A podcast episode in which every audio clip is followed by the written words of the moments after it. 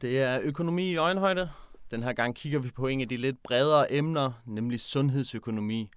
Og hvad sundhedsøkonomi er? Jamen, man kan vel sige en økonomisk forståelse af de økonomiske mekanismer, som er i spil i sundhedsvæsenet. Herunder, hvordan vi betaler læger, hvordan vi prioriterer medicin, og hvordan sundhedsvæsenet finansieres. Sundhedsøkonomi er uden tvivl et stort emne, og kan ikke dækkes bare af en enkelt samtale, men vi kommer alligevel godt rundt.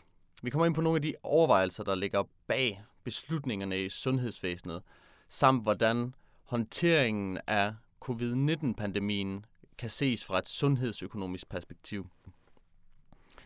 Det var også covid-19-pandemien, der gjorde mig nysgerrig på sundhedsøkonomi, og specielt undrede jeg mig over, hvordan det kunne retfærdiggøres, at podere fik en bedre løn end sygeplejersker. Det bliver vi heldigvis klogere på her i afsnittet. Det er en af de afsnit, som er bred i sit sigte, og det fungerer derfor som et godt afsæt og en god start til at forstå formålet med sundhedsøkonomi. Samtalen foregik online, og vores forbindelse var ikke den mest velfungerende, hvoraf små digitale forstyrrelser til tider skete. Dog har det ikke stoppet den gode samtale.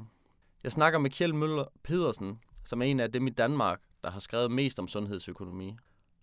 Og jeg er glad for at snakke sundhedsøkonomi med en, som har både erfaringer med det teoretiske og det praktiske. En god kombo.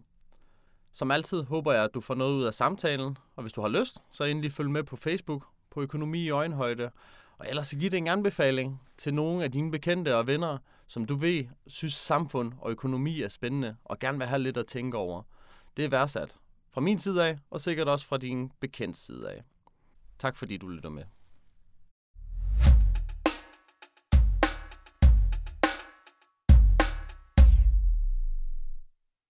Velkommen til dig, Kjell Møll Pedersen. Vi skal snakke lidt om sundhedsøkonomi. Et, øh, et større emne. Vi vil prøve at indsnævre det med også at bruge uh, coronapandemien som en case. Uh, men vil du ikke fortælle om, hvordan du har beskæftiget dig med sundhedsøkonomi? Fordi der var en gruppe studerende, der havde hørt om noget, der hed sundhedsøkonomi. Og så spurgte dine kolleger og jeg, om vi ikke ville lave en studiekreds i det. Og så ville skæbnen så, at ret hurtigt efter kom der en læge, og spurgte om min kollega Terkel Christiansen og jeg ikke ville være med i et projekt, som han havde fået finansiering til, en undersøgelse af vagtlægeordningen på Fyn. Og så lige pludselig, så var jeg inde i øh, sundhedsøkonomien, både teoretisk og øh, praktisk. Det beskæftigede jeg mig med frem til 1987, hvor jeg så også var blevet professor i faget, men hvor jeg så også havde fået lyst til at komme ud i den berømte virkelige verden, og øh, så blev jeg det, der hedder amtsundhedsdirektør i det daværende Vejle Amt. Det vil sige, at jeg fik ansvaret for hele sundhedsvæsenet i amtet, hvilket var usædvanligt dengang. Og der havde jeg fire øh, meget lærerige og rigtig gode år, øh, hvor jeg lærte meget om ja, den berømte virkelige verden. Og så kom der en og spurgte efter, om jeg nogensinde havde tænkt på at gå ud i det private erhvervsliv. Og det kunne jeg fuldtonet sige, det havde jeg aldrig skænket en tanke, øh, men om jeg ville tænke over det. Og det førte så til, at jeg blev direktør i Lego, og senere øh, medlem af direktionen i Lego AS. Og øh, der var jeg så frem til 1999, men beskæftigede mig faktisk undervejs også med sundhedsøkonomi. Skrev lidt om det og var formand for en arbejdsgruppe, der kom med en bog om, øh, hvordan vi kunne gøre det danske sundhedsvæsen bedre. Og så i 1999 kom jeg tilbage til Odense Universitet, som det hed dengang. Det der så ret hurtigt efter blev Syddansk Universitet. Og der har jeg været siden. Men især har jeg beskæftiget mig med sundhedspolitik. Så jeg har faktisk prøvet det, der er lidt usædvanligt, både teoretisk og praktisk beskæftiget mig med sundhedsvæsen. Okay. Hvad synes du er sjovest af de to? Jeg, jeg har syntes, at det var spændende og, og lærerigt. Den praktiske erfaring, jeg har fået, har jeg faktisk haft meget stor gavn af. Jeg har også haft den fornøjelse at sidde med i en lang række råd og er nævn i, i tidens løb. Og, og det har jo også været spændende, fordi det er jo ofte der, at vi ser på, hvordan vores sundhedsvæsen skal udfordres eller udformes. For eksempel var jeg medlem af øh, det, der hedder øh, ekspertpanelet øh, for øh, de store sygehus- og sygehusinvesteringer, vi lavede i perioden 2008 til ja, frem til i dag, hvor vi bygger stadigvæk på de her store supersygehuse, som det hedder. Og der sad jeg med i et lille udvalg, der rådgav skiftende regeringer. Og, øh, og det giver jo også en god fornemmelse af, kan det bruges, det vi siger, og øh, også at, at forstå, at øh, ting kan også være anderledes, end de ser ud. Ja, det synes jeg også, vi skal hoppe ned i. Men lad os starte med sådan at få nogle øh, grundbegreber, hvad sundhedsøkonomi er. Jamen altså, sundhedsøkonomi er helt overordnet i virkeligheden en økonomisk forståelse af de økonomiske mekanismer i sundhedsvæsenet. Og, øhm, og det, der er grundudfordringen der, det er jo i virkeligheden, at grundmekanismerne i sundhedsvæsenet jo ikke helt ligner det, vi har i lærebøgerne i økonomi. Øhm, og, øh, og der, blandt andet, øh, så har vi jo ikke ret meget privat finansiering, hvis vi tager det danske sundhedsvæsen. Vi har ikke konkurrence, som vi, vi kender det fra velfærdsøkonomien, som vi står og doserer for vores bachelorstuderende. Så, så meget af det har krævet en tilpasning. Men helt overordnet, så ser vi på de økonomiske mekanismer i sundhedsvæsenet. For eksempel, hvordan skal vi øh, fra den offentlige side betale de praktiserende læger? De har jo sådan en todel finansieringsordning, hvor de får et beløb per tilmeldt, samtidig med, at de så også får et beløb hver gang de leverer forskellige ydelser til os, et konsultationshonorar eller tager en blodprøve. Og det der er spørgsmålet, det er i virkeligheden, hvordan skal man udforme sådan en, en, en afregningsordning? Det er sådan en typisk øh, sundhedsøkonomisk problemstilling. Tilsvarende kan vi også stille det spørgsmål, øh, vi har brugt øh, måde at betale sygehusene på. Skal de have en pose penge, altså et øh, givet budget, eller skal de have betaling efter, øh, hvor meget de laver, osv. Også det er en del af sundhedsøkonomien. En anden del af sundhedsøkonomien, som i virkeligheden hos mange øh, ikke-økonomer Øh, er blevet identisk med sundhedsøkonomi, det er det, der hedder økonomisk evaluering, hvor man for eksempel ser på en ny øh, medicintype, der kommer, og så er så spørgsmålet, er der et rimeligt forhold imellem den sundhedsmæssige effekt, altså behandlingseffekten, og så hvad medicinen koster. Og, øh, og det laver vi i økonomisk evaluering. Det er det, der kendes som omkostningseffektanalyse. Det er jo vigtigt at forstå, at det er noget, der bidrager til at kunne prioritere og træffe svære valg. Og, øh, og det er netop det, man har gjort, når man bruger det på den dyre medicin, vi udleverer på hospitalerne, til kræftpatienter, til gigtpatienter osv. Okay. Må jeg prøve at opsummere det? Det må du, ja. Altså, hvis uh, sundhedsøkonomi så er ja, økonomi, der har fokus på sundhed, så ser man inden for sundhed, øh, hvad koster det, hvad ressourcer har man tilgængelige, hvilke effekter har det, øh, og så ellers, hvordan bliver det finansieret? Ja, altså finansieringen har jo egentlig været udgangspunktet her, at det har været finansiering som i det danske sundhedsvæsen, hvor hovedparten er jo øh, skattefinansieret. Vi har ganske vist mere brugerbetaling, end jeg tror, de fleste går og forestiller sig. Og brugerbetalingen af altså danske sundhedsvæsen er jo faktisk større, end vi regner med. Cirka 18 procent af de samlede sundhedsudgifter trækker vi jo selv op af lommen. De fleste de, øh, de ved, at de betaler for øh, at gå til tandlægen, og, og betaler faktisk rigtig meget af den regning, vel omkring en 85-90 procent trækker du og jeg op af lommen, når vi er hos vores tandlæge i gennemsnit betaler vi også cirka 50 procent af den medicin, vi henter på apoteket osv. Så, videre. så øh, brugerbetalingen er stor, og den mekanisme, hvordan det påvirker efterspørgselen, er selvfølgelig også et sundhedsøkonomisk emne, der tiltrækker sig stor opmærksomhed. Noget af det, som økonomer selvfølgelig er opdraget med, det er jo i virkeligheden betalingsvilje. Hvad ville jeg betale? Ja, er det så der sundhedsøkonomer kan komme på spil og give forslag til, okay, men det her det vil være en god idé at investere i? Ja, øh, det er jo det, vi gør, når vi laver omkostnings nytteanalyserne, eller hvis vi skal se på, skal vi indføre et nyt screeningsprogram, jamen så øh, er der normalt også efterhånden standard at have sundhedsøkonomiske analyser med, sådan at selve det at bruge sundhedsøkonomien til at vurdere, om man skal i gang sætte det ene og det andet, det er på rigtig mange områder blevet en rutine, øh, simpelthen fordi i et sundhedsvæsen med skattefinansiering, der er der behov for i mange, mange situationer at træffe nogle prioriteringsbeslutninger, og der skal man så have nogle værktøjer.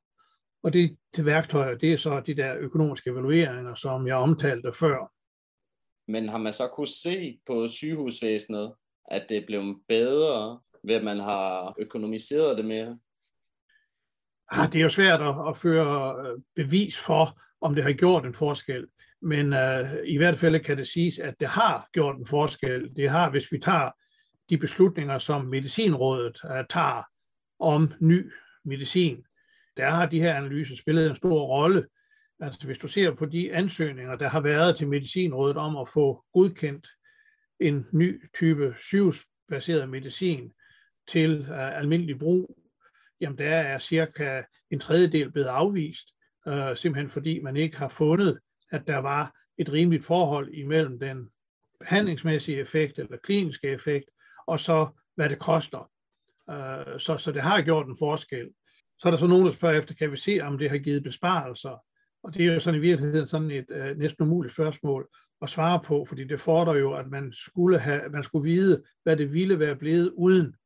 Men det har haft og har en position, hvor det gør en forskel, og det bliver brugt. Men er der så et punkt, hvor man kan sige, her kan vi tydeligt se, at det gør en forskel, at vi bruger sundhedsøkonomi som teori til at gøre en forskel? Jo, det er jo helt klart, hvis du tager medicinområdet og brugen af økonomiske evalueringer, det er det bedste eksempel. Men tilsvarende, jamen så har sundhedsøkonomer også været inde over, hvordan vi skal udforme øh, mekanismerne. For eksempel, hvad skal vi betale til de praktiserende læger? Øh, også med hensyn til, hvordan fører vi pengene ud til sygehusene?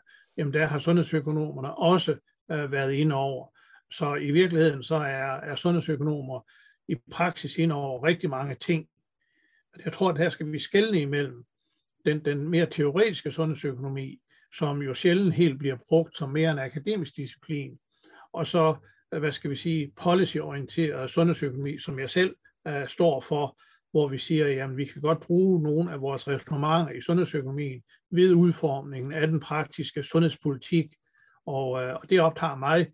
Det gør ikke det et bedre område, men jeg har også uh, kolleger, som beskæftiger sig mere teoretisk med det, og som sjældent bliver inddraget i overvejelser om, hvordan vi skal udforme vores sundhedsvæsen.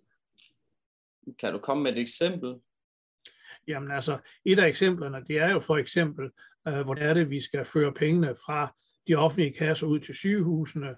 Skal det være i form af et rammebudget, populært sagt en pose penge, og så med nogle krav om, at der skal være noget opfyldt, eller er det sådan, at vi skal hver gang, at man på et sygehus har, har lavet for eksempel en ny hofte eller en ny, et nyt knæ, eller gennemført en øh, hjertetransplantation for den sags skyld, eller lavet en blindtarmsbetændelse, skal der så være en betaling per ydelse, altså for hver blindtarmsbetændelse, for hver hofte osv. Der har det spillet, der har sundhedsøkonomien spillet en ganske betydelig rolle, og, øh, og, og har været med til at udforme de mekanismer. Men når man så siger, at det har været med til at spille en rolle, Altså, hvad går den rolle ud på? Er fjollet udtryk, men noget af det er jo social ingeniørkunst. Uh, hvordan er det, vi kan være med til at påvirke udformningen af, i det her tilfælde, de økonomiske mekanismer i, uh, i sundhedsvæsenet. Okay. Ja. Hvordan kan man så sige, hvis sundhedsøkonomi er et økonomisk felt for sig, hvordan adskiller det sig fra andre økonomiske felter?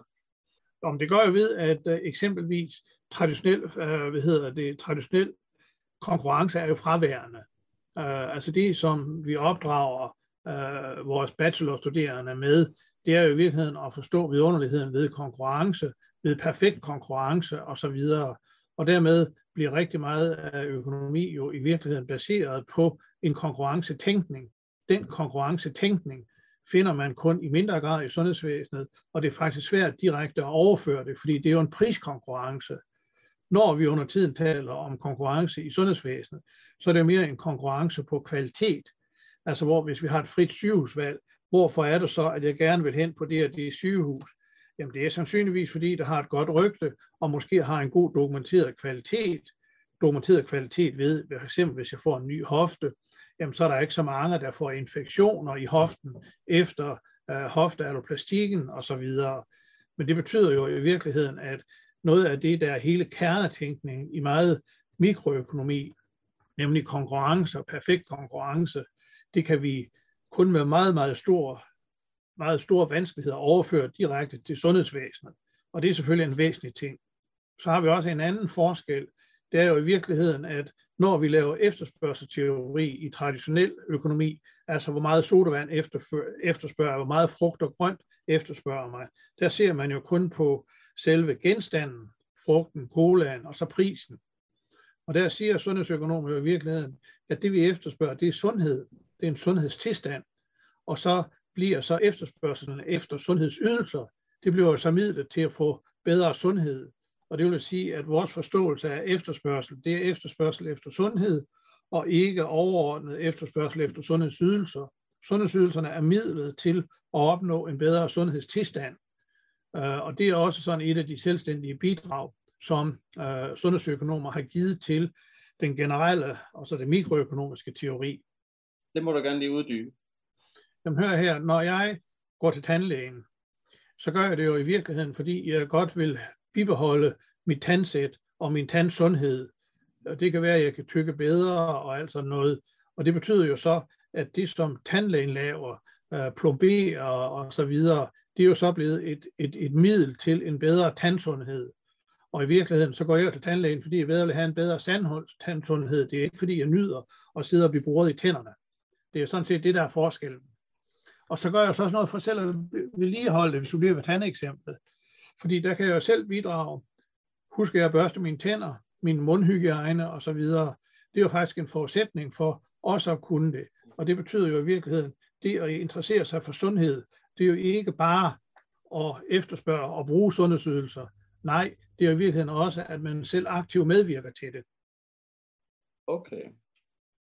Hvis vi har sådan et sygehusvæsen ligesom vores, hvor det, øh, vi betaler det over skatten, så det føles gratis at komme til. Ah, okay.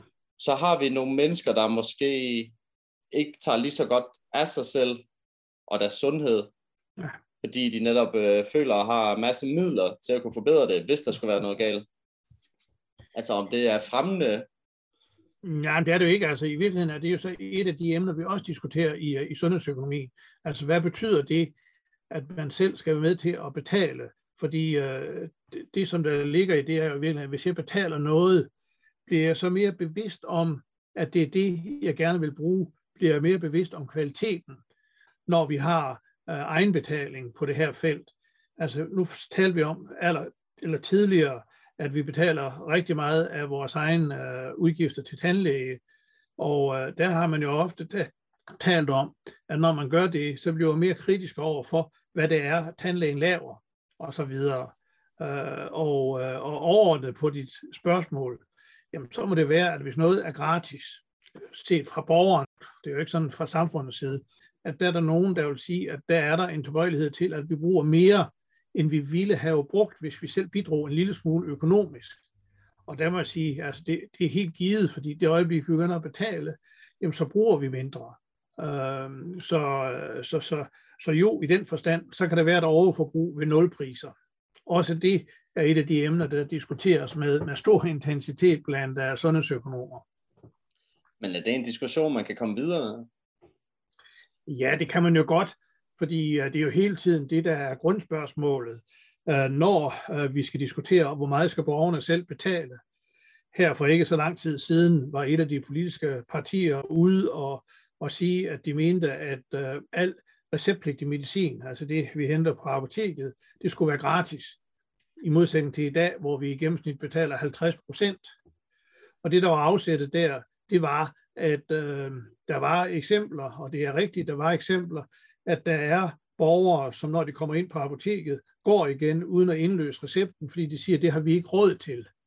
Og, øh, og så er så spørgsmålet, er løsningen så at gøre det gratis for alle, for dig og mig, og, og ikke bare for folkepensionisten, der kun har folkepensionens grundbeløb.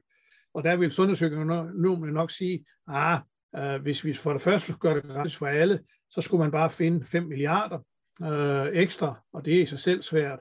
Og dernæst så er spørgsmålet om at sige, jamen, kan vi ikke hjælpe dem, der så angiveligt ikke har råd på anden måde, i stedet for at gøre det gratis for alle.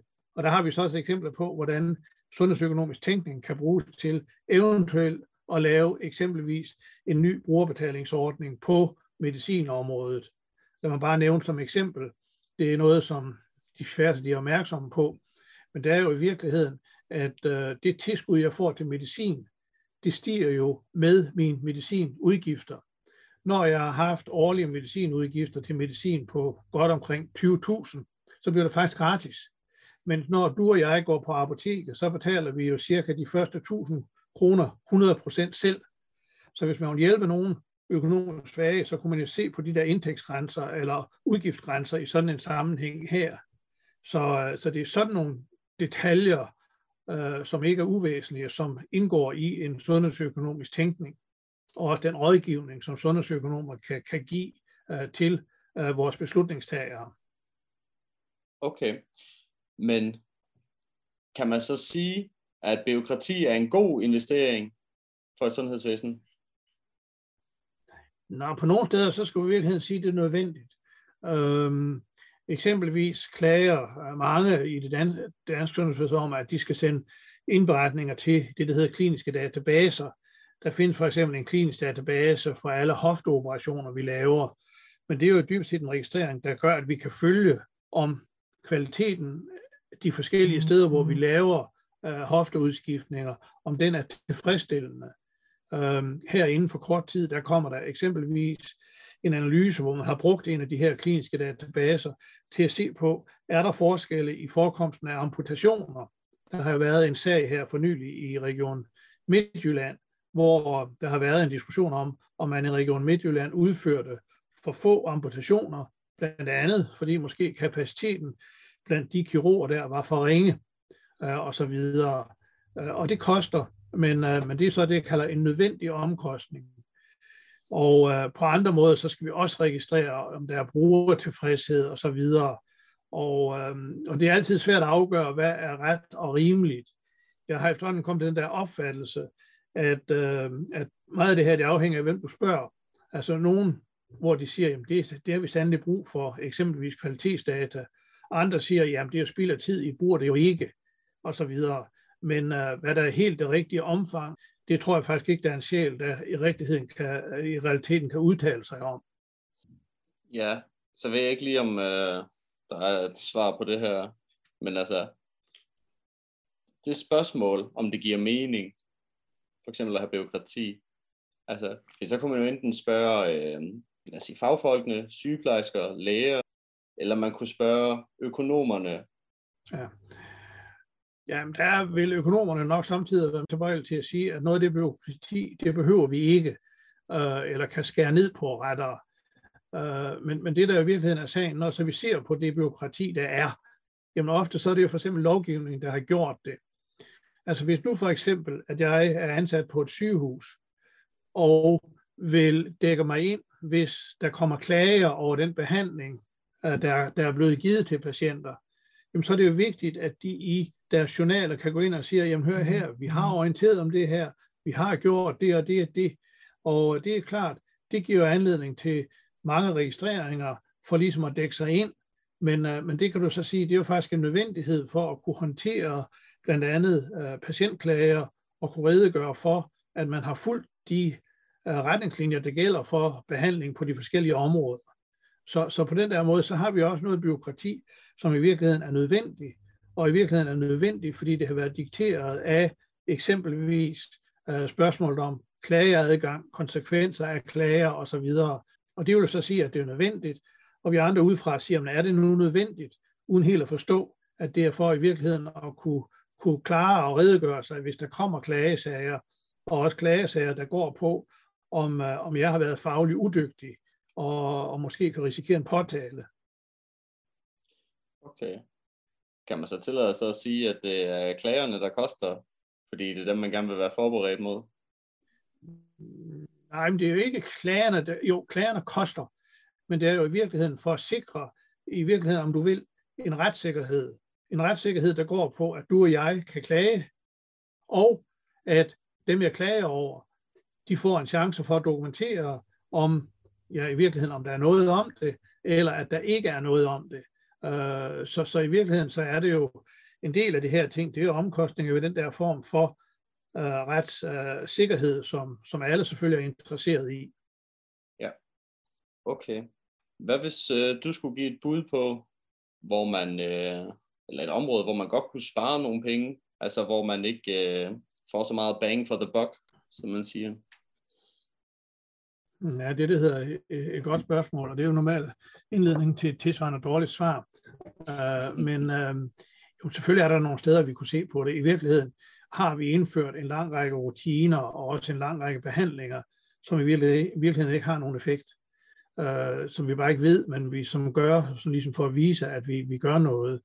Det kan også være eksempelvis, siger man, og jeg tror, at det er dokumenteret, at øh, nogle af de ambulante kontroller, vi går til på sygehusene, de er strengt taget unødvendige. Og der kunne man godt øh, se på, altså hvor hyppigt skal man tage efterkontrol. Det koster jo rigtig faktisk mange ressourcer. Med andre ord, så er der simpelthen nogle unødvendige ting, øh, unødvendige, fordi det ikke betyder noget for patientbehandlingen, unødvendige, fordi det ikke har en dokumenteret effekt. Der kan man sætte ind, og det er også øh, noget af det, som der løbende uh, diskuteres. Ja, øhm, jeg har to spørgsmål der. Jeg har en kammerat, der er fysioterapeut, og han fortalte mig, at de fleste folk, de får jo en lægehenvisning, for så at komme til fysioterapeuten.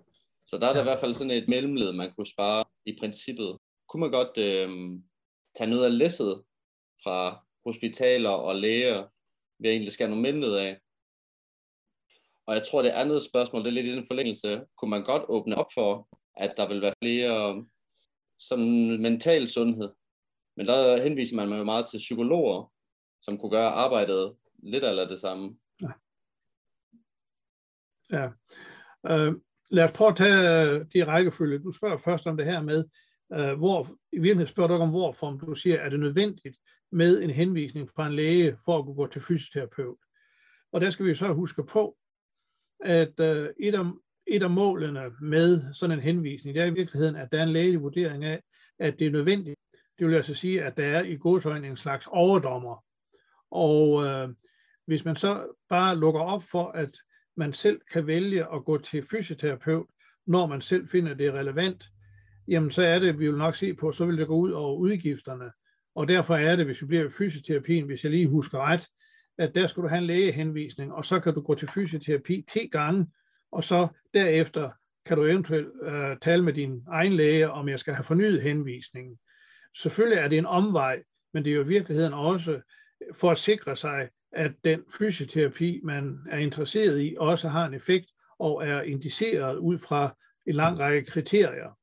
Det er jo sådan nogle balancer, man, man kommer ud for, når vi, uh, vi, vi ser på blandt andet sådan noget som henvisning. Hvis jeg skal til praktiserende speciallæge, er der indiceret, at det er nødvendigt at gå til øhm, praktiserende speciallæge, eller for at gå tilbage til det første eksempel, for fysioterapi.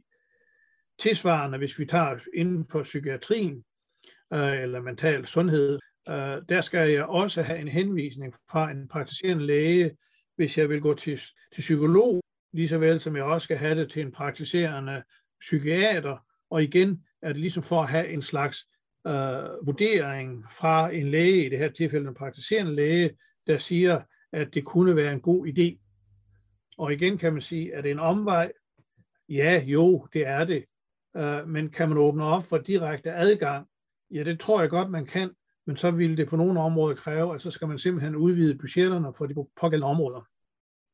Ja, men det virker bare i mit hoved, at, at det skulle være billigere at bespare det mellemled. Altså fordi om øh, du har lægen og fysioterapeuten til at sige, at der er noget galt, eller om du kun har fysioterapeuten, det lyder jo som en besparelse. Nej, fordi det der også er spørgsmålet, det er jo så, øh, hvor, hvor længe fortsætter fysioterapeuten med behandlingen? Øh, og, øh, og i en vis forstand, så kan du sige, hvis der var direkte adgang, jamen så udskriver fysioterapeuten jo sin egen regning, og her der er der indført en ordning, der siger, at indimellem så skal det lige gøre status, eksempelvis efter de 10 første henvisninger. Og det er lige så klart, at hvis der var åben adgang, så vil meget økonomisk teori tilsige, at så vil vi bruge fysioterapeuter oftere, end hvis vi stadigvæk har det, om du vil, rationeret via den praktiserende læges vurdering. Men er det ikke også noget, der gør sig gældende, øh, jeg ved ikke, om man skal sige for læger, men lad os sige, øh, jeg har arbejdet en del med handicappede, og de ja. fik øh, rigtig meget medicin. Og det virkede som om, at øh, nu var jeg ikke med til selve møderne, men, men som jeg hørte det fra, fra borgerne, så var lægerne jo interesserede i at holde dem på medicin så meget som muligt. og så længe som muligt. Altså fordi det egentlig bare var det sikre, og det også på en Ja. måde var det, de kendte til. Altså nu har du fået det her i så mange år, det skal du bare blive ved med. Jamen, jeg kender ikke nok til det område til at kunne, kunne give dig en, øh, en, en, en vurdering, om der er en tilbøjelighed til, at øh, man holder jo i virkeligheden patienter på medicin unødvendigt længe. Det, det tror jeg simpelthen ikke, man gør, men jeg tror omvendt, at mange gange så er det godt med det, der hedder medicinrevision. Altså hvis man har patienter, øh, forestil dig nu, at jeg er praktiserende læge, har patienter, der får mange typer af medicin, og, øh, og det gælder blandt andet for ja, ældregruppen, som, som jeg selv uh, tilhører. Og, og der, er det, der er det godt indimellem at få lavet det, der hedder medicinrevision. Og uh, ofte så bruger man jo i virkeligheden farmaceuter til at gøre det. Uh, for ligesom at sige, jamen, rydder I op med jævne mellemrum? Er der for mange interaktioner, forskellige medicintyper, der spiller sammen og måske har negative effekter? Og uh, sådan noget, det kan meget vel ske, og der bruger man jo, eller bruger i stigende grad farmaceuter til at være med til at lave altså det, der hedder en medicinrevision, som det ikke altid de praktiserende læge får gjort ved deres patienter. Okay. Hvis vi siger, der er det her paradigme med sundhedsøkonomi, altså lidt som vi har snakket om tingene, og hvordan de fungerer, men hvis man gerne ser en ændring i det paradigme, hvor er en god indgang til det? Er det som politikere, eller er det som øh, fagfolk, eller hvad er det egentlig, der rykker på paradigmet? Jamen, det er jo ofte i virkeligheden, at man giver sig til at reorganisere. Øhm, og, og det er jo der, hvor politikerne har et håndtag. Lad os nu bare tage et eksempel på, i virkeligheden kalde det et paradigmeskift. Øh, siden årtusindskiftet har vi lukket rigtig mange små sygehuse, alle de lokale sygehuse. Og så har vi så fået indført, øh, det er nogen, de kalder supersygehuse, eller det, som mere stille kalder akutsygehuse, der har åbent 24 timer i døgnet året rundt.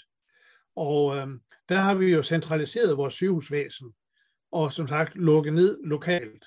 I virkeligheden var det et paradigmeskift, den måde vi så på sygehuse, øh, ved at afskaffe de små sygehuse.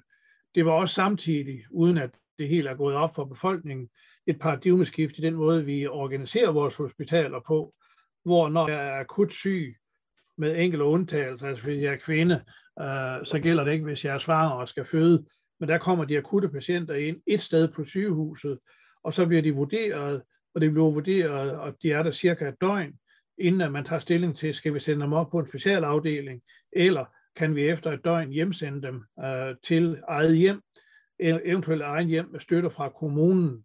Det har i virkeligheden været et, et, et paradigmeskift. Og øh, måske kommer der også et paradigmeskift i forhold til, hvad den nuværende regering gerne vil have.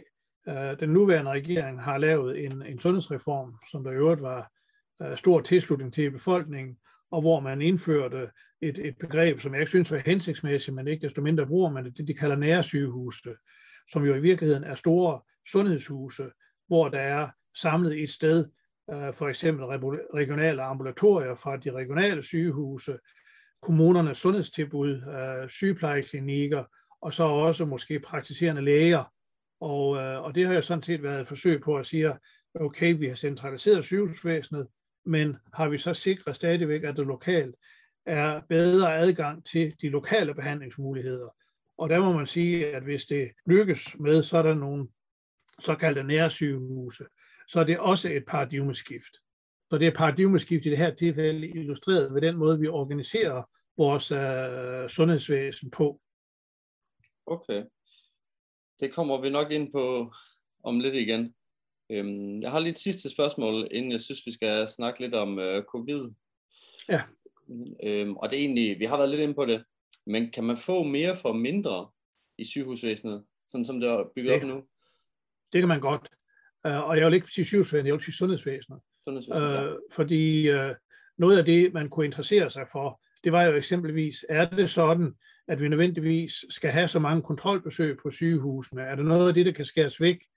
Øh, eller kan det udføres lokalt ud hos den praktiserende læge og hos praktiserende speciallæger, i stedet for, at jeg skal ind på øh, det lokale øh, store sygehus, hvor der ofte er lange øh, rejseafstande for, for mange borgere ude i de såkaldte udkantsområder. Så jo, der er stadigvæk uh, rigtig mange muligheder, hvor vi stadigvæk kan få mere for pengene. Hvad er de største udgifter der er i sundhedsvæsenet? Når hvis du gør det op på kategorier, så, så bruger vi omkring tre fjerdedel af vores sundhedsudgifter på sygehusene. Vi bruger omkring 8-9 procent på praktiserende læger. Uh, vi bruger en 3-4 procent på praktiserende speciallæger, og så bruger vi faktisk uh, omkring en 12-14 procent på medicin. Den medicin, jeg henter på apoteket, fra når jeg har fået recepten hos min praktiserende læger, og så den medicin, der udleveres på sygehuset, hvis jeg er indlagt med kræft. Okay. Og, og det, det er stort set hovedkategorierne. Men når man så siger, at det er ude på sygehusene, så stor en del af udgifterne går til, altså så dækker det vel både løn og udstyr og kantine? Det er, det er, det er driften. Det er også medicin, hvis det er på sygehusene og så videre. Så, så det er simpelthen, skal vi sige, samtlige omkostninger ved at drive sygehusene, som beslaglægger et sted mellem 70 og 75 procent af vores sundhedsudgifter. Okay. Er det sådan lige i forhold til løn og udstyr? Altså jeg tror, hvis du tager sådan en typisk sygehus, så vil slag på, ah, det er ikke slag på tasken, men der ligger øh, lønudgifterne, de udgør nok en sted mellem 60 og 70 procent af driftudgifterne. Resten, det er så til udstyr, det er til medicin, men tag også for eksempel, nu har jeg nævnt flere gange at få en hofte, øh, der skal vi have sådan et nyt kunstigt hofteled, og øh, sådan et hofteled, det koster lidt afhængig af, hvor, hvordan det er lavet og hvor holdbart det er. Det koster imellem 10-15.000 også. Så der er jo mange driftudgifter, simpelthen bare for at kunne lave behandlingen. Og det er derfor, som sagt, at der er vel groft taget 65 procent af budgettet på et sygehus, det er lønudgifter. De resterende 35 procent, det er til medicin, det er til blandt andet sådan noget som er nye hofteleder og forbindstoffer så videre.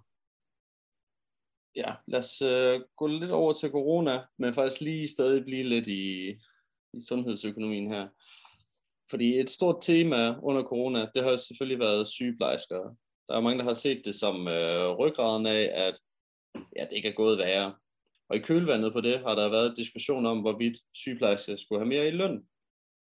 Og med nogle af mine andre gæster har jeg da også snakket om, hvorfor gør man det, hvorfor gør man det ikke. Men jeg vil gerne prøve at høre dit bud på, hvad er ligesom øh, løsningen på, at sygeplejersker gerne vil have mere løn? For det første, så, så, så har selve diskussionen om sygeplejerskelønnen har dybest set ikke noget med uh, covid-situationen at gøre. Det er en gammel diskussion.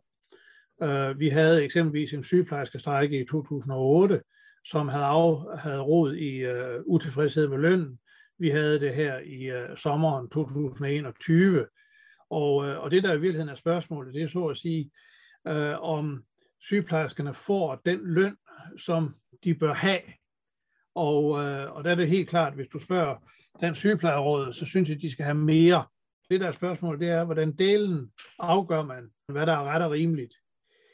Jeg har så sent som i går, i forbindelse med noget, jeg er ved at skrive, været ind og, og se på statistikken, og så sige, hvad får en sygeplejerske i dag, inklusiv pension og tillæg? Der får en sygeplejerske omkring 42.000 om måneden. Og øh, det, der så er spørgsmålet, det er, at det ret og rimeligt? Og der har sygeplejerskerne brugt som argument, at øh, tilsvarende uddannelser, for eksempel en folkeskolelærer, de får mere. Og det er også rigtigt, det har jeg også tjekket i går. Folkeskolelærer får cirka 3.000 kroner mere om måneden end sygeplejersker. Og, øh, og det der så er det gode spørgsmål, det er, skal vi så til at, at rette op og så sige, at sygeplejersker skal have 3.000 kroner mere for at være på niveau med, lægerne, øh, med, med, læ- med folkeskolelærerne. Og, øh, og der er jo igen, der har vi sådan et lønhierarki. Fordi hvis nu man politisk tilsluttede sig, at nu skulle sygeplejerskerne til at have, lad os bare blive ved eksemplet, 3.000 kroner mere om måneden, jamen så vil der komme andre faggrupper, blandt andet social- og sundhedsassistenter, og kommer og siger, ups, vi skal også løftes i løn. Og, øh, og det, der sker, når man tager det her op, det er i virkeligheden, der er jo et, et lønhierarki, øh, hvor nogen de får så og så meget, andre får så og så lidt i gåsøjen. Og, øh, og det at finde det helt rigtige niveau, det er øh, noget, som i virkeligheden næsten er umuligt at gøre. Fordi hvis nu du dig 3.000 kroner om måneden, og vi sagde, at det skulle gives til 40.000 sygeplejersker, så skal der altså tilføres rigtig mange penge til, øh, til sundhedsvæsenet. Så i den her debat, der har også været for eksempel diskuteret, ja, men vi ser jo så, at der er sygeplejersker, der vælger at tage til Norge fordi der er løn højere. Og der, det kan jeg kun sige, det er den, og det er den ikke. De løntal, vi hører, når der er danske sygeplejersker i Norge, det er sygeplejersker, som arbejder igennem vikarbyråer. Og hvis man arbejder igennem vikarbyrå, så får man en højere løn i Norge og i Danmark. Fordi kigger man på norske sygeplejerskers løn, det gjorde jeg også i går, øh, jamen så viser det sig faktisk, at norske sygeplejersker ifølge en statistik, der er sammenlignelig med den, jeg har brugt til det her tal på 42.000, så får norske sygeplejersker, som er ansat helt almindeligt som almindelige sygeplejersker, får det faktisk mindre end danske sygeplejersker. Og det er jo sådan nogle ting, når vi begynder at se på, hvad er ret og rimeligt, det er jo noget med relative lønninger. Og det er klart, hvis man sammenligner sig med folkeskolelærer, og det er jo også en fireårig uddannelse, så, øhm, så får øh, sygeplejerskerne ikke så meget. Så har sygeplejerskerne fremført, at det er jo fordi, at det er et kvindefag, og at øh, det var en øh, ting, der blev lavet forkert, da man i, jeg tror 1968 eller 69, lavede en såkaldt tjenestemandsreform, hvor de forskellige grupper i den offentlige sektor blev indplaceret, og i virkeligheden har været relativt indplaceret siden øh, i sådan en sammenhæng her. Og, øh, og der har sygeplejerskerne sagt, at der blev de indplaceret forkert, og de blev indplaceret lavt, fordi det var et kvindefag. Det er notorisk forkert. De blev indplaceret relativt lavt dengang, fordi dengang var det en lærlingeuddannelse. Og derfor blev de indplaceret som andre lærlingeuddannelser. Og øh, det er faktisk først i 2001, at sygeplejerskerne ikke fik løn under uddannelse, men gik hen og fik en regulær bacheloruddannelse. Og, øh, og det betyder jo også, at nogle af forklaringerne på de her ting, de er ganske enkelt ikke korrekte, øh, men er selvfølgelig en italesættelse, og det skal ikke bebrejdes dem, som Dansk Sygeplejeråd har forsøgt. Du kan godt høre, at den her omstændelige udredning, så, så er der altså ikke noget helt simpelt svar. Men det er klart, hvis du holder dig til det konkrete, og siger, at vi skal sammenligne folkeskolelærer med sygeplejersker. Det er to bacheloruddannelser af fire års varighed, som stort set har samme adgangskrav, nemlig en studentereksamen. Jamen så ligger sygeplejerske i den forstand lavere. Men bare det at løfte det med snuptag, det vil simpelthen sætte en, en proces i gang i det her lønhierarki, som vil blive relativt dyrt. Og det vi så ikke ved, det er, vil det få flere sygeplejersker, eller flere til at søge en sygeplejerskeuddannelse? Ja, og det er jo måske faktisk så endnu vigtigere. Altså, med det tænker jeg på, at øh, der er mange sygeplejersker, der sikkert gerne vil have mere i løn, men der er sikkert lige så mange, der gerne vil have flere kollegaer, eller med ja. det mener, at de skal have færre arbejdsopgaver, fordi ja, det er spredt ud på flere hænder. Men det er vel også noget, der kræver mere økonomisk øh, ja, tillæg. Det, det vil det gøre. Altså det, det er jo helt, helt klart, altså hvis der skal flere hænder, selv ved uændret løn, så vil det koste, og, øh, og hvis vi så skulle hæve lønnen, hvis vi bare hypotetisk fortsætter den situation, så vil det blive relativt mange penge, og samtidig så vil det sætte en bevægelse i gang i det her hierarki, hvor nogle af dem, der siger, ups, nu, nu hæver vi sygeplejerskerne, hvorfor skal social- og sundhedsassistenterne ikke også have en, øh, en, en relativt svarende uh, tillægsstilling, og det, det er selvfølgelig det, der gør det meget kompleks, fordi vi har sådan et relativt, skal jeg sige, stift lønhierarki, og, og, øh, og det er heller ikke altid, at det kan forekomme helt retfærdigt. Altså jeg kan heller ikke forstå, at professorer ikke skal have lige så meget som overlæger. Altså vi får til din orientering faktisk væsentligt mindre end en, en overlæge i sådan en sammenhæng, og vi har jo faktisk også haft en lang og, øh, og sej vej til, hvor vi er kommet i, i det her lønhierarki. Så det her, det sætter rigtig mange ting i gang. Okay. Hvis vi så tager i forhold til covid-19, og hvordan det har foregået. Hvad har sundhedsøkonomi lært af den her nye pandemi? For man har jo haft øh, pandemier før, og det må jo sikkert også bygget noget teori eller øh, noget materiale ud fra. Men hvad med covid-19, som vi har set her? Hvad har været nyt ved den? Det, det nye har været, at vi, i, eller det, jeg skal ikke kalde det nye, men det var jo i virkeligheden, vi var lidt ufor, vi var meget uforberedte. Vi havde ikke et tilstrækkeligt et, øh, pandemiberedskab. Eksempelvis savnede vi værnemid og så videre. Og, øh, og der har, har sundhedsøkonomer, inklusive mig selv, jo været med til at spille en lille smule bagkloge. Øh, hvorfor var det, at vi ikke havde en pandemiplan? der havde taget højde for, at vi nødvendigvis skulle have lagre af værnemidler.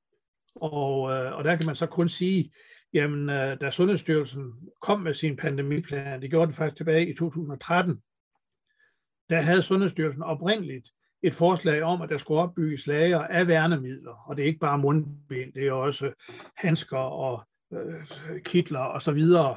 Øh, der havde Sundhedsstyrelsen faktisk forslaget, at der skulle opbygges af lagre, og det afviste den daværende regering, og, og sagde, at det har vi ikke penge til. Og, øh, og der vil øh, sundhedsøkonomer sige, der skulle vi nok have spekuleret lidt på, om, øh, om vi ikke i virkeligheden begik en fejl her ved ikke at opbygge lagre. Og så med den klogskab, vi har alle sammen her bagefter, så er jo svaret, ja, det skulle vi selvfølgelig.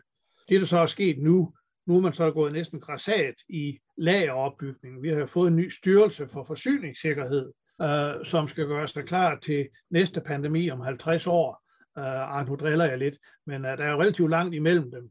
Og, uh, og, og der er det så igen, der er man så gået over i den anden grøft. Nu skal vi i hvert fald være sikre uh, på at have det. Og det er jo sådan nogle beslutninger her, som i virkeligheden trænger til en kølig og stille afvejning af, hvad er ret og rimeligt, og hvordan skal vi organisere det. Så det er både noget, vi kom uforberedt, det er noget af det, vi har lært. En anden ting, vi har lært, det er jo så også, at når vi har pandemien, jamen så sidder pengene løst. Så, så, så er der ingen grænser for, øh, hvad, der, hvad der offentlige vil investere øh, i sådan en sammenhæng, i modsætning til, når det er hver dag, som vi vil få i øjeblikket. Og, og der er det helt klart, at der kan vi, og det er igen med den bagklogskab, som ikke nødvendigvis er bagklogskab, men det er jo en læring af, hvad der har været. Jamen der er der helt klart, at på en række områder, der har vi brugt pengene øh, forkert og forløst. Men hvis vi tager det her, okay, uh, der skulle man nok have været mere forberedt. Og hvis vi lige laver en kobling til det her med sygehus og sygeplejersk. Covid-19-pandemien viste, hvor vigtig en stærk sundhedssektor var. Og derfor skulle man også tro, at sundhedssektoren ville blive opprioriteret, altså få tilføjet flere ressourcer. Men der er jo ikke kommet flere lønninger, og i form af medarbejdere, så vil der også være færre ressourcer i fremtiden, fordi færre søger ind på den uddannelse. Og det gør de jo mm. måske, fordi de kan se, hvilke vilkår der venter, og sikkert også andre ting. Men er det ikke lidt ja, pudsigt, at, at netop en sektor, man tror kunne styrkes, er blevet sværere? Jamen, den er ikke blevet sværere. Uh, men, men det, der jo så er sket samtidig med, det er jo, at under pandemien, som jeg betragter som værende afsluttet, selvom vi jo stadigvæk har covid-19, uh, der er der tilført rigtig mange penge, men nu er det så også blevet hver dag igen, og, uh, og det er så ovenikøbet en hver dag, hvor vores geopolitiske verdensbillede er ændret med krigen i Ukraine. Fordi uh, lige pludselig, så kan vi godt have en målsætning om at bruge 18 milliarder mere på forsvaret, for at komme op på uh, målene for, uh, hvor meget vi som NATO-land burde investere og det, der jo så er sket, og det her det er en lang, tung forklaring, men det, der er sket, det er jo i virkeligheden, at vi er også begyndt at bruge ressourcerne andre steder, blandt andet til at styrke vores forsvar. Og så er det så igen, at i et skattefinansieret sundhedsvæsen, der vil det, man fører til sundhedsvæsenet, jo hænge sammen med samfundsøkonomien og de samfundsøkonomiske prioriteringer. Og der har man så blandt andet i forbindelse med krigen i Ukraine prioriteret forsvaret meget højt, og det er faktisk gået ud over sundhedsvæsenet ved, at en eventuel ekstra tilførelse af ressourcer til sundhedsvæsenet, den er ikke kommet blandt andet på grund af prioritering af forsvaret. Og det er jo igen vilkårene i et skattefinansieret system. Det afhænger af samfundsøkonomien, og dermed også af, hvilke andre emner, der bliver opprioriteret. Men for at gå tilbage til de spørgsmål, jamen så øh, er det ikke sådan, at at væksten i sundhedsudgifterne er blevet mindre end før. Det er blevet mere normalt, øh, end, end det var under coronaen. Men samtidig så har vi nok også oplevet, at der er nogle større og udækkede behov i sundhedsvæsenet, som øh, de øh, ressourcetilførelser, der kommer i forbindelse med de årlige økonomiaftaler, utvivlsomt har været i underkanten af, hvad der har været behov for. Men altså, det er sådan lidt historien om, det er samfundsøkonomien, der, der er afgørende for, uh, hvordan uh, sundhedsvæsenet får penge, og det er vilkårene i et skattefinansieret sundhedsvæsen. Ja, men er det noget, man øh, burde lade komme ud til befolkningen, altså gøre det på demokratisk vis, om befolkningen synes, at sundhedsvæsenet skulle tilføres flere penge? Ja, øhm, og det, det er det helt klart, hvis du spørger befolkningen, hvis du laver en opinionsundersøgelse, der siger, synes du, at vi skal tilføre sundhedsvæsenet flere penge, så er jeg ret sikker på, at vi vil få en ja-procent, der er meget høj. Øh, men der er det så, at befolkningen skal jo ikke redegøre for, hvordan det skal finansieres. Og, øh, og det er jo så der, hvor vi kommer tilbage til det her rigtig trælste spørgsmål, fordi det er det, de sidder og tænker på inde i, inde i Finansministeriet, og det er jo normalt dem, der er påholdende. Det er simpelthen at sige, jamen kan samfundsøkonomien holde til, at vi bruger mere på sundhedsvæsenet, samtidig med, at vi bruger mere på forsvaret, samtidig med, at vi skal bruge mere på miljø og klima. Og det er jo det, der giver dilemmaerne. Og, øh, og det, den afvejning er meget svært at få befolkningen til at foretage, mens det er let at få befolkningen til at stille spørgsmål, skal sundhedsvæsenet tilføres flere penge, så vil svaret være ja, og så er der ikke svar på, hvordan skal det finansieres. Nej, men så tænker jeg, at man kunne spørge, øh, burde vi prioritere vores penge, eller den her sum penge, på sundhedsvæsenet, eller vores militær? Vi har to, øh, ja. ja, lad os sige, nye problemstillinger. Hvad synes I, vi burde prioritere? Ja. Fordi det virker jo som en stor beslutning, at ja, politikerne sidder med. Det er selvfølgelig deres job, men... Om det, det er klart, og, øh, og, og der er det jo så igen, så skulle sådan noget jo i vist omfang fungere som vejledning for, for prioriteringsbeslutningerne i, uh, i Folketinget, og, uh, og det sker ikke. Um, og, og det har nok aldrig rigtig været gjort, når det kommer til stykket. Uh, og uh, det kan da godt diskuteres om, om man skulle prøve at stille befolkningen nogle af de her mere dilemmafyldte uh, spørgsmål. Skulle vi, lad os bare tage hypotetisk, skulle vi over de næste 10 år øge udgifterne til sundhedsvæsenet med 18 milliarder, i stedet for at bruge 18 milliarder på at øge forsvarsudgifterne. Fordi så skal folk jo til at tage stilling til, hvordan de vil afveje tingene. Så får vi jo et helt andet nuanceret billede, end hvis bare får et spørgsmål om, skulle vi bruge 18 milliarder mere i de næste 10 år. Ja. Det kan selvfølgelig være, at det ikke gør det meget nemmere. Nej, det tror jeg ikke, det gør. Men, øh, men det er bare for at, at følge med i, øh, i tænkningen, og, og hvad det er, der i givet fald skulle til. Ja, mm. men er det bare at, at lægge den over til politikerne? Altså det er selvfølgelig os, der stemmer politikere ind, men det virker som om mange af de der prioriteringsbeslutninger, det ligger jo hos politikere. Det ligger i Folketinget. Og, øh, og det, altså igen, jeg går tilbage til, at vi skal huske på, hvor banalt den er, at vi har et skattefinansieret sundhedsvæsen. Det betyder jo, at afgørelsen om, hvor meget vi vil bruge på sundhedsvæsenet, sammenlignet med andre offentlige sektorer, jamen det er et politisk spørgsmål. Det er jo ikke noget, man bare kan sætte eksempelvis eksperter som mig til at vurdere, og nok heller ikke bare kunne gøre i opinionsundersøgelser. Jeg, jeg plejer gerne at sige, at i det private marked, som vi har været lidt inde på, der er det jo den enkelte borgers betalingsvillighed, der afgør, hvor meget vil jeg bruge på det, der er helt. I sundhedsvæsenet og i den offentlige sektor, der er det den politiske betalingsvillighed til, hvor meget vil vi bruge for de forskellige sektorer, der slår igennem. Og øh, den betalingsvillighed, den er i øjeblikket høj på forsvaret og uændret på uh, sundhedsvæsenet. Kommer der nogle begivenheder, der vil øge spørgsmålet om, hvad vi skulle bruge på sundhedsvæsenet? Og ja, det gjorde vi, uh, mens vi havde coviden, den blæste afsted. Der brugte vi rigtig mange ekstra penge på sundhedsområdet. Og så skar vi ned til normal hverdag, da vi var lidt på den anden side af pandemien. Helt så enkelt er det ikke, når vi ser på forsvarsudgifterne. Nej.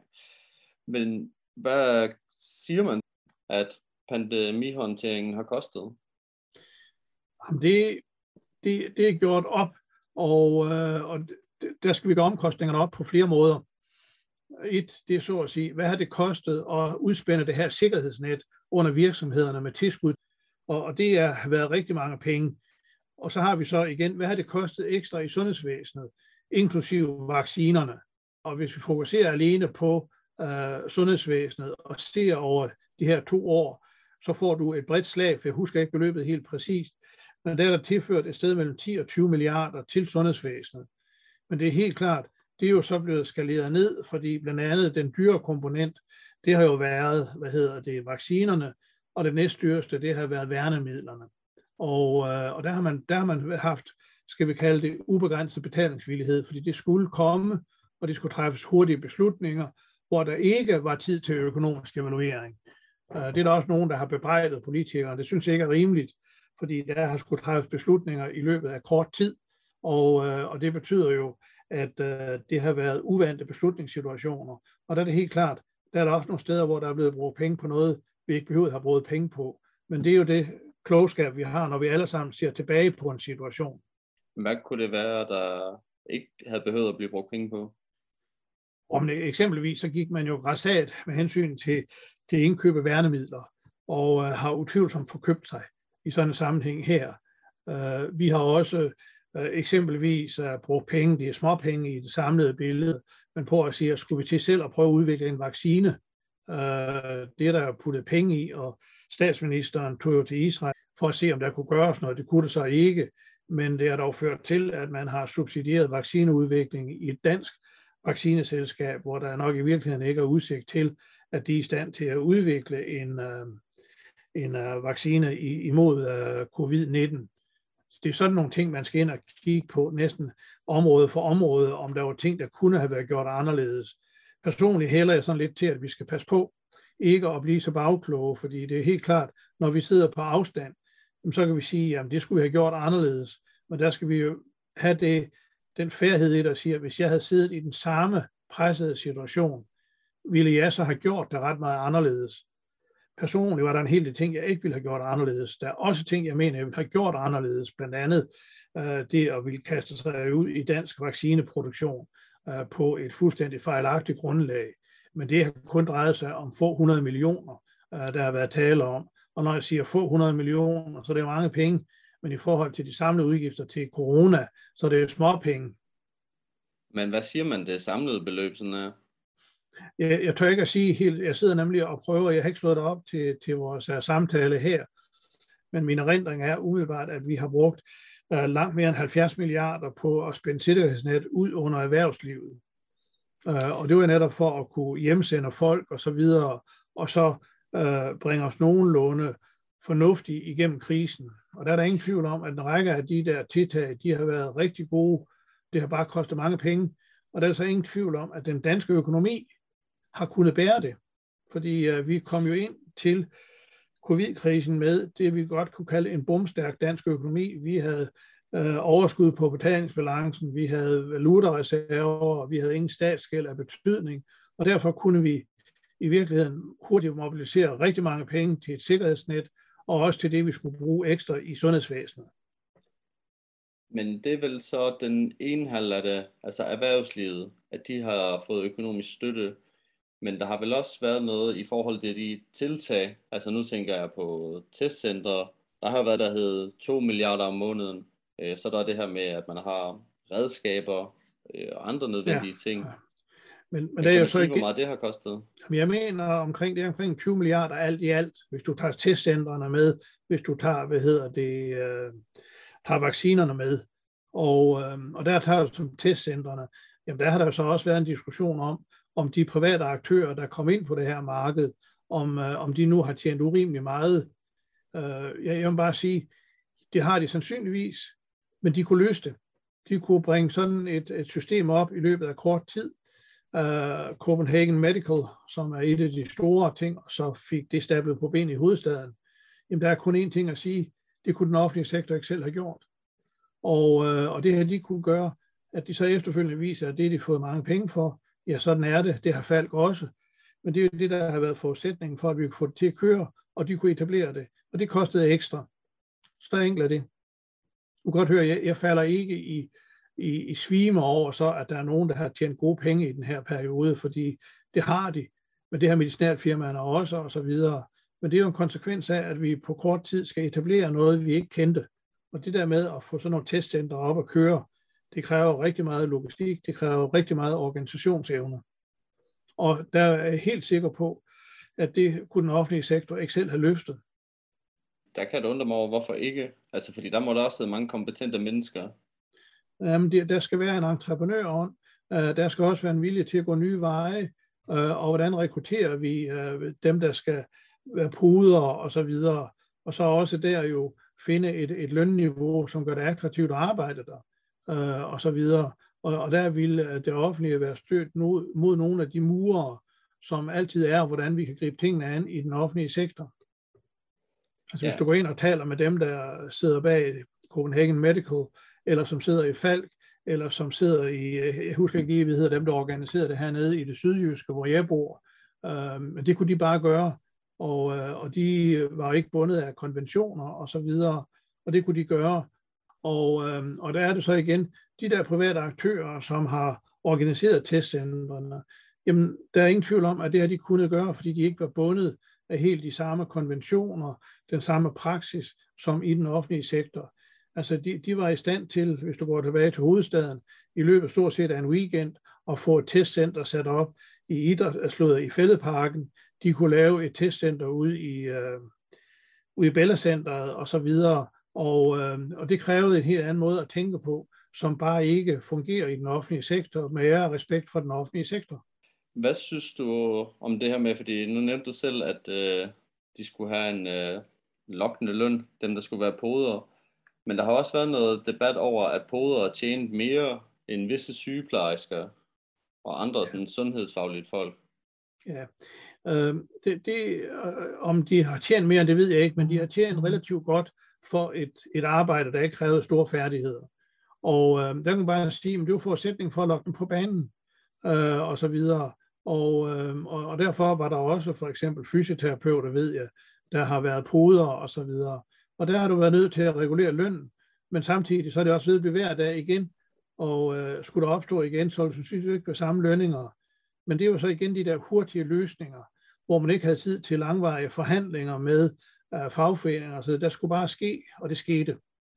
Og en af konsekvenserne har så været, at der var nogen, der i den der periode tjente gode penge, men vi skal også huske at sige, i den periode, det, det er så yeah. det, vi har nogle eftervejer af nu, øh, hvor nogen, der har været vant til at tjene gode penge, øh, de ikke synes, at de tjener helt så mange penge ved at være øh, hvad hedder det, tjenere på restauranter og så videre.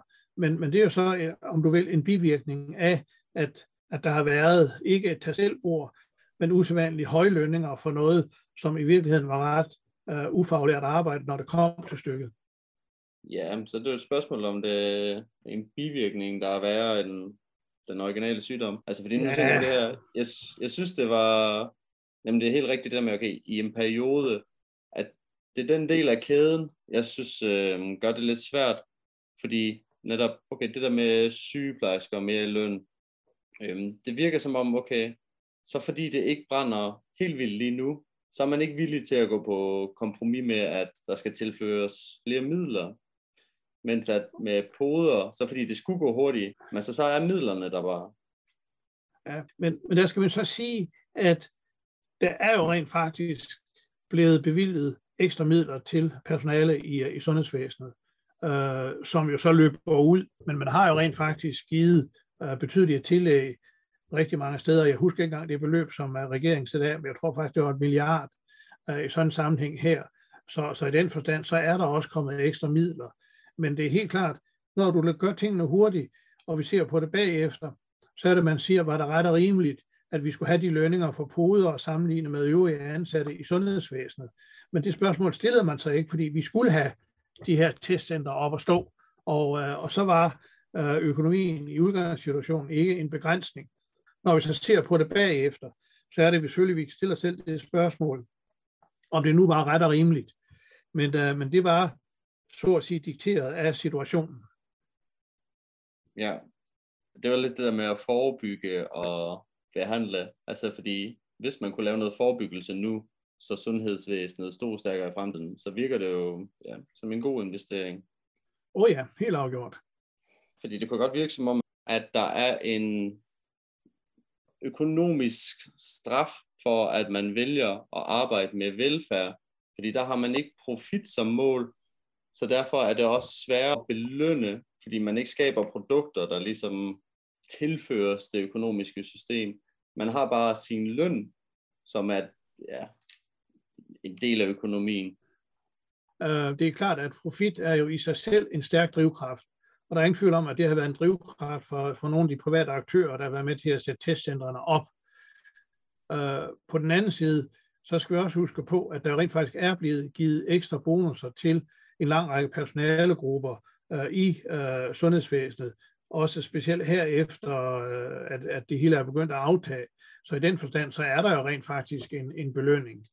Og så skal vi også huske på, at, øh, at nok er profit et stærkt drivkraft. Det betyder så også, at hvis det ikke går godt, jamen så er der heller ikke ubegrænsede lønninger i en privat sektor. Vi skal huske på, at der rent faktisk er blevet givet en hel del bonusser til en række øh, personalegrupper, og hvor nogen, når vi kigger på det, måske ikke alle sammen har gjort sig lige fortjent til det, men hvor det simpelthen bare var plat umuligt at udmåle det helt retfærdigt. Ja, synes du så, at man fokuserer på de forkerte ting i debatten? Altså fordi det jeg mere har fået med, det har været øh, honningkagerne til ja. sygeplejerskerne, at det er det, de er blevet stødt over. Jamen det kan, I stedet for det måske, vil jeg... fået lønninger. Ja, men det vil jeg, han har sagt, nej forfra, de honningkager, som man i region Hovedstaden øh, fandt på at give, det var rent faktisk jo give, rent faktisk givet i bedste, bedste hensigt, men hvor man jo ikke rigtig forstod, at det i virkeligheden blev opfattet som, at det var at gøre grin med dem. Og, øh, og det betyder jo, at når man skal til at give den form for belønninger, så skal man virkelig tænke sig om, hvordan reaktionerne er. Og det er noget, hvor vi godt kan hente støtte i økonomi og økonomisk teori om incitamenter. Og jeg tror da også, at jeg ville være blevet lidt tosset, hvis jeg synes, jeg havde arbejdet 18 timer i døgnet i en lang periode, og så takker regionen mig videre og siger, og her er så kæld en honninghage.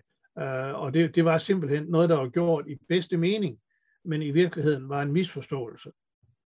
Og, øh, og det, det tror jeg ikke engang er bagklodskab. Det vil de fleste nok sige, hvis man lige havde brugt et par dage til at tænke over den sag, så var det ikke sikkert, at man var gået den vej med hensyn til at give en påskyndelse. Og, øh, og derfor det at lave påskyndelser og skabe incitamenter, det er fortsat lidt af en kunst. Bestemt. Vil du sige, at øh, i forhold til coronahåndtering, altså var det det rigtige, at alle havde den samme lighed til systemet? til sundhedssystemet. Eller yeah. at man måske skulle have specialbehandlet lidt mere. Så for eksempel, at dem, der var i faregruppen, de, dem blev der taget øhm, ja, enten mere eller mindre. Faktisk tog man meget tidligt ud og sagde, at vi skal, stille, vi skal skille de sårbare grupper ud. Det er de sårbare grupper, der skal have først. Og det er jo så typisk jo ældre, øh, sårbare borgere, og det har vi jo rent faktisk gjort. Inklusiv at at, at du jo er blevet væsentligt senere vaccineret, end jeg er, for jeg er så gammel, at jeg øh, tilhører gammel ældregruppen i, øh, i sådan en sammenhæng her. Så man har rent faktisk gjort det hele vejen igennem.